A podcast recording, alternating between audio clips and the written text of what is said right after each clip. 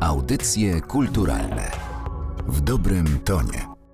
Nim zaś ty go zaobserwujesz, narysujesz i poprawisz, pan Brandel obejdzie pół Warszawy i pozdejmuje fotografie z ludzi nie tylko skaczących, ale spacerujących, huśtających się, pływających, jadących konno, grających w kółko, handlujących końmi lub jarzynami, bawiących się w piasku itd. Tak Co więcej, za prawdziwość każdej fizjognomii, każdego ruchu ręki, nogi, odzienia, pan Brandel może ręczyć głową. To fragment kroniki tygodniowej Bolesława Prusa, opublikowany w Kurierze Codziennym w 1888 roku.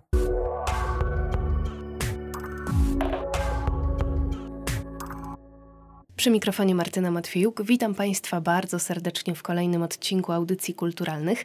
Dziś spotykamy się, by porozmawiać o albumie zatytułowanym Konrad Brandel Fotorewolwer. To jest album wydany nakładem Muzeum Warszawy pod redakcją merytoryczną pani Moniki Michałowicz, która jest dzisiaj moim gościem. Dzień dobry. Dzień dobry. Fotorewolwer to aparat skonstruowany przez Konrada Brandla w latach 80. XIX wieku, który umożliwiał błyskawiczne fotografowanie, wykonywanie momentalnych zdjęć. I w albumie, o którym dziś rozmawiamy, znajdą Państwo zdjęcia Warszawy końca XIX wieku. Dołączyli Państwo również fragmenty tekstów z czasopism, takich jak Tygodnik Ilustrowany czy gazety Kurier Codzienny, w których czujemy, że Konrad Brandel jest postacią naderważną i czujemy też szacunek do tego zmieniającego się medium, jakim jest fotografia, do nowych jej możliwości. Chyba był postacią rozpoznawalną w Warszawie. Tak, zdecydowanie. Od ponad 20 lat prowadził jeden z najważniejszych zakładów fotograficznych w Warszawie, który podobnie jak pozostałe specjalizował się przede wszystkim w wykonywaniu portretów i widoków Warszawy, takich typowo XIX-wiecznych widoków Warszawy, zwykle opustoszałej, ponieważ e, tylko na to pozwalały ówczesne urządzenia do zapisywania obrazu, aparat aparaty, które były bardzo ciężkie, więc wymagały statywu. Poza tym technika, jaką się wówczas posługiwano, mokrego kolodionu, wymagała natychmiastowego wywołania negatywu tuż po wykonaniu odbitki, więc y, potrzebne były do tego różne chemikalia, właściwie przenośna ciemnia. Ta przenośna ciemnia nie jest potrzebna, kiedy pojawia się fotorewolwer. Następuje takie odłączenie, prawda, tego etapu fotografowania od wywołania. Pisze pani o tym, że od tego momentu wszystko jest nowe, bo fotorewolwer umożliwia szybkie fotografowanie, jest prosty w obsłudze, zapewnia swobodę. Co się zmienia? Może spróbujmy też y, nakreślić to tło ówczesnych mhm. możliwości technicznych fotografii. Dobrze. Właśnie uchwycenie tej zmiany było najważniejszym zamysłem, żeby ją jakoś pokazać. E, żeby zbliżyć się do tego, co jest dla nas oczywistością. Stąd e, trudno dostrzec i poczuć tę nowość i tę euforię, w jakiej musiał znajdować się Brandel, trzymając w rękach takie narzędzie. A jeśli chodzi o te technikalia, o których Pani wspomniała, to przełomem były dwa wynalazki, mianowicie emulsja srebrowo-żelatynowa, która pozwalała na wykonanie bardzo trwałych płyt szklanych, negatywów i wynalezienie szybkiej migawki, która błyskawicznie zasłaniała obiektyw i pozwalała na uchwycenie obiektów znajdujących się w ruchu, przede wszystkim ludzi, zwierząt, pojazdów. Tym, co zrobił Brandel, było połączenie tych dwóch wynalazków i zmniejszenie urządzenia, czyli zbudowanie takiego małego pudełka, małej skrzynki, w którym umieścił niewielkich rozmiarów obiektyw o krótkiej ogniskowej, aparat wyposażony w krótką migawkę, do tego wrzemień, dzięki któremu można było zawiesić ten aparat na szyi. I co też ważne, fotorewolwer, stąd prawdopodobnie jego nazwa, pozwalał na wykonanie kilku zdjęć bardzo krótkim odstępie czasu, więc to, była też, to było też źródło fotografii reportażowej, takiej seryjnej. Choć oczywiście nie była to, to seria takich szybkich pstryknięć. Wymagało to czasu, ale w porównaniu z, z fotografią atelierową była to rewolucyjna zmiana. W albumie znajdą Państwo mm, zdjęcia Warszawy w ruchu, Warszawy pełnej życia, nie tej jak dotąd pozowanej. Wyprodukowano ponad 100 sztuk tego typu mhm. aparatu. Kto mógł sobie na niego pozwolić? Bo dodajmy, że to też są początki fotografii amatorskiej. Tak, tak, zdecydowanie. To otwiera drogę fotografii amatorskiej. Z tego co wiemy, szczególnie zainteresowani byli przede wszystkim malarze.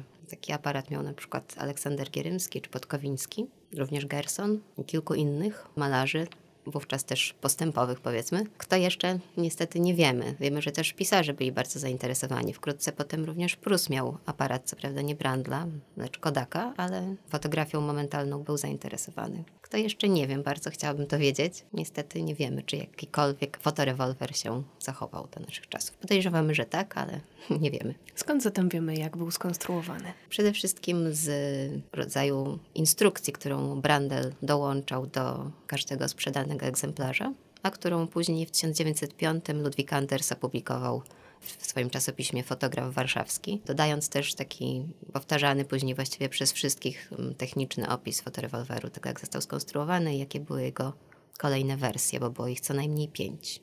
Fotorewolwer został też opatentowany. E, tak, w 889 roku. Konrad Brandel dokumentuje ważne wydarzenia, dokumentuje święta, wszystko to, co może być ciekawe, ale w tym albumie znajdujemy też zdjęcia zwykłych ulic, codzienności, mhm. po prostu życia. Możemy odczuć, że on jakby podświadomie już y, przeczuwał y, przyszłą wartość tego typu zdjęć, miał intuicję reporterską, a z drugiej strony te zdjęcia też bronią się kompozycyjnie. To jest dla mnie bardzo mhm. ciekawe.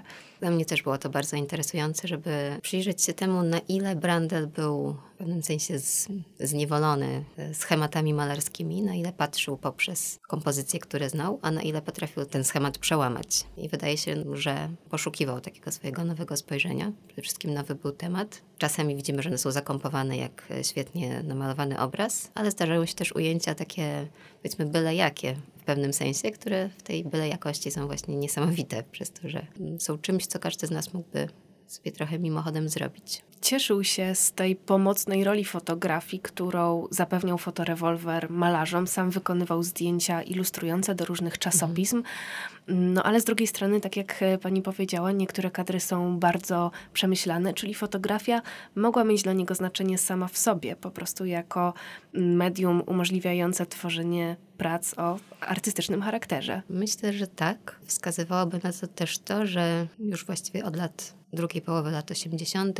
zaczął chyba zaniedbywać swoje atelier, oddał się zupełnie temu fotografowaniu momentalnemu i pod koniec działalności jego, jaką znamy jeszcze z prasy, e, zaczął fotografować w takim piktorialistycznym trochę duchu. W tygodniku ilustrowanym były te fotografie publikowane jako obrazki z natury i z całą pewnością miały one taki walor właśnie artystyczny. To przyjrzyjmy się jeszcze samemu albumowi. Jaką Warszawę końca XIX wieku pokazują fotografie Konrada Brandla? Przede wszystkim bardzo różnorodną, i pełną kontrastów. Taką, której jedna część nic nie wie o, o drugiej. Warszawę bogatych elit, tych, które bawiły się na wyścigach i Warszawę bardziej ludową, Warszawę zabaw ludowych na polu mokotowskim. Więc taką Warszawę pełną sprzeczności. Warszawę żywą, powiedzmy prawdziwą, pełną ludzi, zwierząt, chaotyczną, mhm. nieuporządkowaną i nieupozowaną. I wydaje się, że to jest takie okno, przez które możemy tak zajrzeć do miasta, które mm, jawi się jako bardzo prawdziwe, przez to, że ci, których Brandel fotografował, nie wiedzieli. Był to jedyny moment, kiedy ludzie mogli być na zdjęciach naturalni, bo nie wchodzili w żadną rolę, widząc obiektyw aparatu, widząc fotografa, bo nie wiedzieli właściwie, co on robi. Często też nie byli świadomi, że są fotografowani. Wydaje się, że teraz, e, kiedy w pobliżu znajduje się aparat, kiedy jesteśmy wiem, na otwarciu wystawy i jest e, fotograf, to bardziej lub mniej świadomie przybieramy jakąś pozę. Albo staramy się przed nim ukryć, albo wręcz przeciwnie.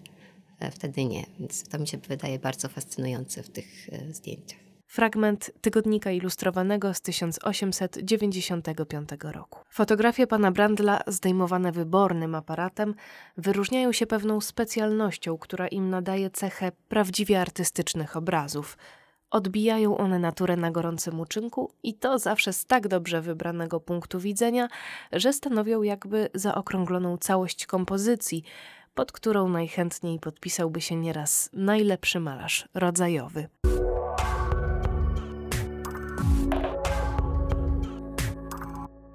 Chciałabym też zapytać Panią o pracę nad y, tym albumem. Przede wszystkim o dopasowanie lokacji do, do tych zdjęć. Czy to było trudne? Pod tym względem te zdjęcia były już dawno opisane.